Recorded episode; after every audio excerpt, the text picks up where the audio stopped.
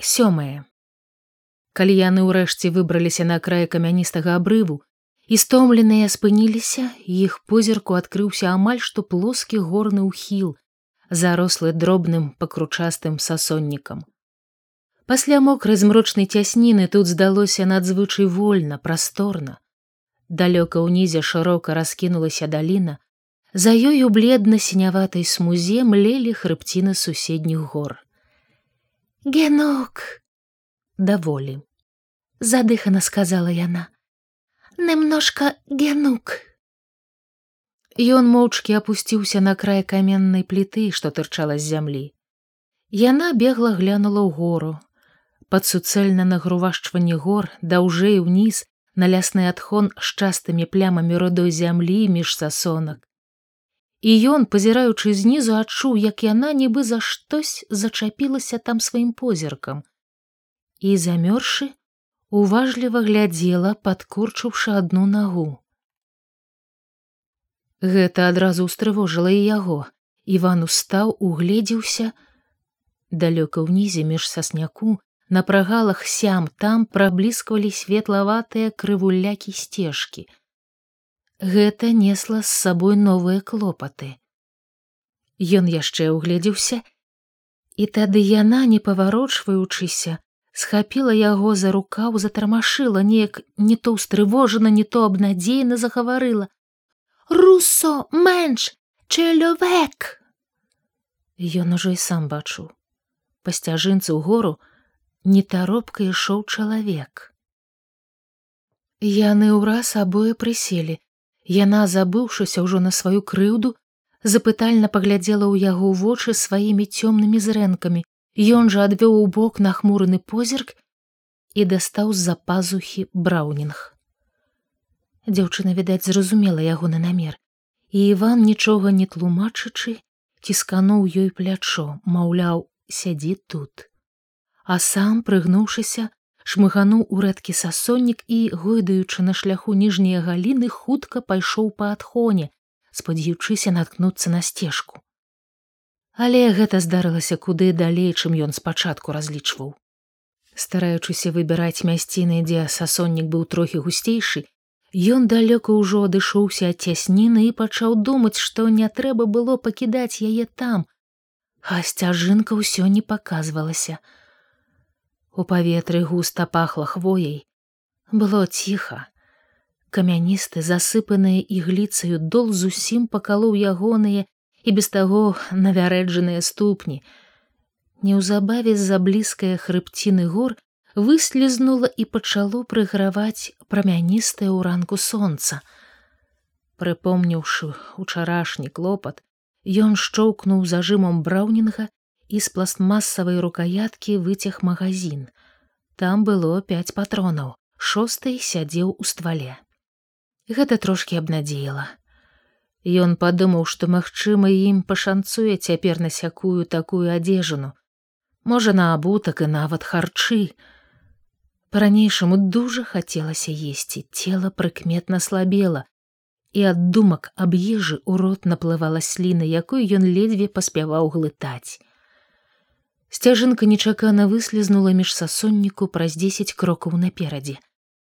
Ён ураз спыніўся, зірнуў уніз у гору, нідзе нікога. Тады пастаяў, услухаўся. З бліжняй пакручастай сасонкі пырхнула маленькая куцахвостая пташка, воддаль упала надол старая шышка. І зноў стала ціха ціха. Ён пашукаў позіркам якое ўкрыццё і адышоўшыся, апусціўся на калючы ў рэдкай траве дол за абымшэлым аскалёпкам скалы. Лежачы ніц, ён чакаў, часта пазіраў уніз, дзе між хваёвых вяршалін праблісквала на заваротцы сцяжынка і думаў, што зрабіць з чалавекам. І ён не сумняваўся, што па сцежцы ідзе цывільны, што вопратку ён аддасць без супраціўлення усё ж такі пісталлет вось толькі што рабіць далей?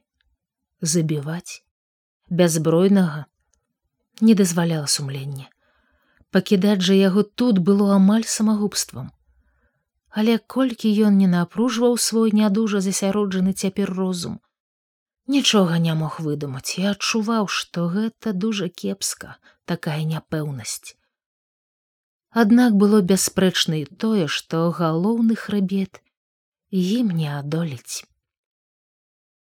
Чалавек паказаўся бліжэй чым хлопец разлічваў. На сцежцы унізе неяк раптам з'явілася яго згорбленая падношую постаць. Але ён чамусьці не ішоў ён амаль бег стомлена задыхана і ўсё нешта шныпару вачыма па сасонніку часам азіраўся. Няўжо ён убачыў іх иван падабраўся за каменем сцяўся як мог каб нябачна было адтуль яго паласатая постаці і з нечаканай злосцю вылаяўся ў душы адчуўшы як гэта агідна і подла тое на што ён мусіў цяпер пайсці але так было трэба. Ён даў чалавеку падысці бліжэй, сам патроху падцяўшы ногі, паварочваўся за каменем. У рукаве пачуў варушылася бы крапівой пяклася мурашка. Аўстрыяк, цяжка несучы брызентавы заплечны мяшок таропка ступаў па сцежцы грубымі на таўшчэзнай падэшве чаравікамі і ўжо крыху мінаў яго, калі Іван устаў і сігануў на сцежку. Прахожы зараз жа учу азірнуўся. Гэта быў камлюкаваты нават тоўсты гадоў пад 60 стары ў кароткай скуранцы, зялёным цірольскім з барсуковым кутасікам капелюшы і няновых выпнутых на каленях штанах. Аўстрыец ад нечаканасці лыпнуў вачыма нешта хутка хутка загманіў па-нямецку, замахаў рукамі і сунуўся да хлопца. Іван прыўзняў пісталлет. Вот судзі пістоле, гер гёфтлінг, гер гёфтлінг. Не трэба пісталлет, пан зняволены, пан зняволены, лапатаў аўстрыец. СС. Іван ураз сцяўся. Ён зразумеў, але з усяе сілы не хацеў паверыць, што зноў бяда. Праклятая мурашка разгульвала ўжо між лапатак, толькі хлопец не паварушыўся каб страхнуць яе суровым зацятым позіркам ён упіраўся ў аўстрыйца сс дортсс штрейфе.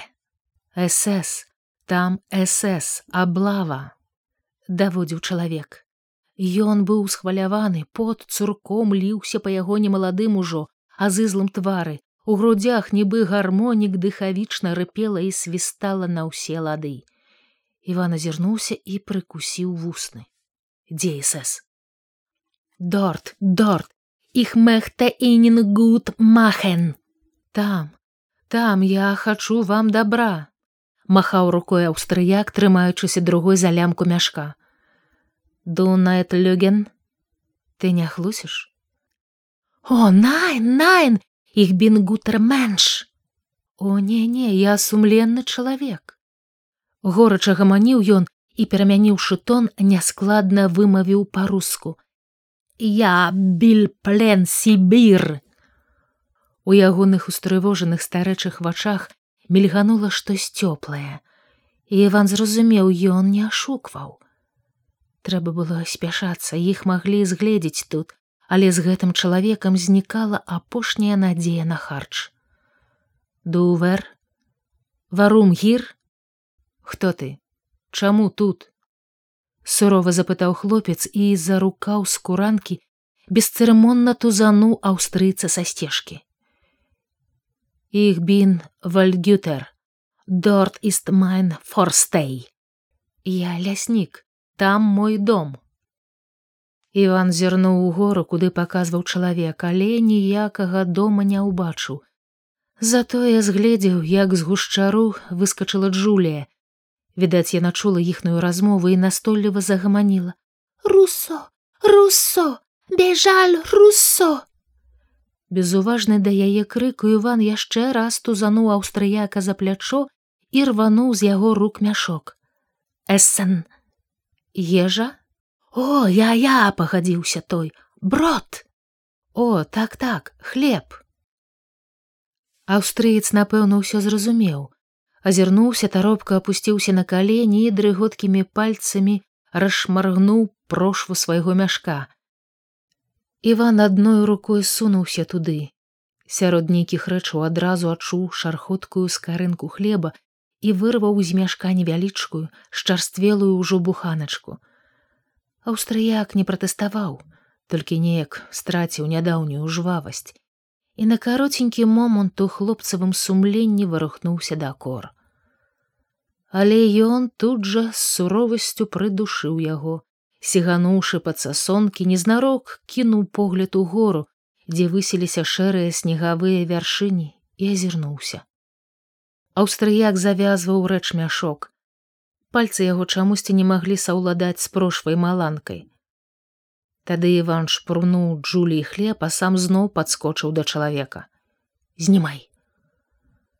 Ён забыўся, як па-нямецку назваць скуранку. Аўстрыяк не зразумеў яго, і хлопец выразна тузануў яго за рукаў. Толькі аўстрыяк не спяшаўся аддаць адзежыну, На старэчым твары слізганула збянтэжанасць. Іван крыкнуў: «Шнеллер і тузануў настойлівей. Шнеллер, шнеллер руссо! Сцішана, але дужа настойліва гукала сасонніку Джулія, і аўстрыяк з самотаю, якая раптам напоўніла ўсю яго расслабленую істоту, зняў сябе скуранку. Іван амаль вырваў яе з рук чалавека, і ў апошні раз зірнуў яму ў вочы. Хлопец зразумеў, гэта была чорная няўдзячнасць, рабаўніцтва. Гэтым ён у выпадку няўдачы ставіў падшыбеніцу і яго, але інакш было нельга. Ён пабег у сасоннік, дзе мільганула паласатая поста Джуліі і ўжо адбегшы, азірнуўся. Аўстрыяк усё стаяў на ранейшым месцы у падцяжках зверху шэрыя світкі і апусціўшы руки глядзеў ім услед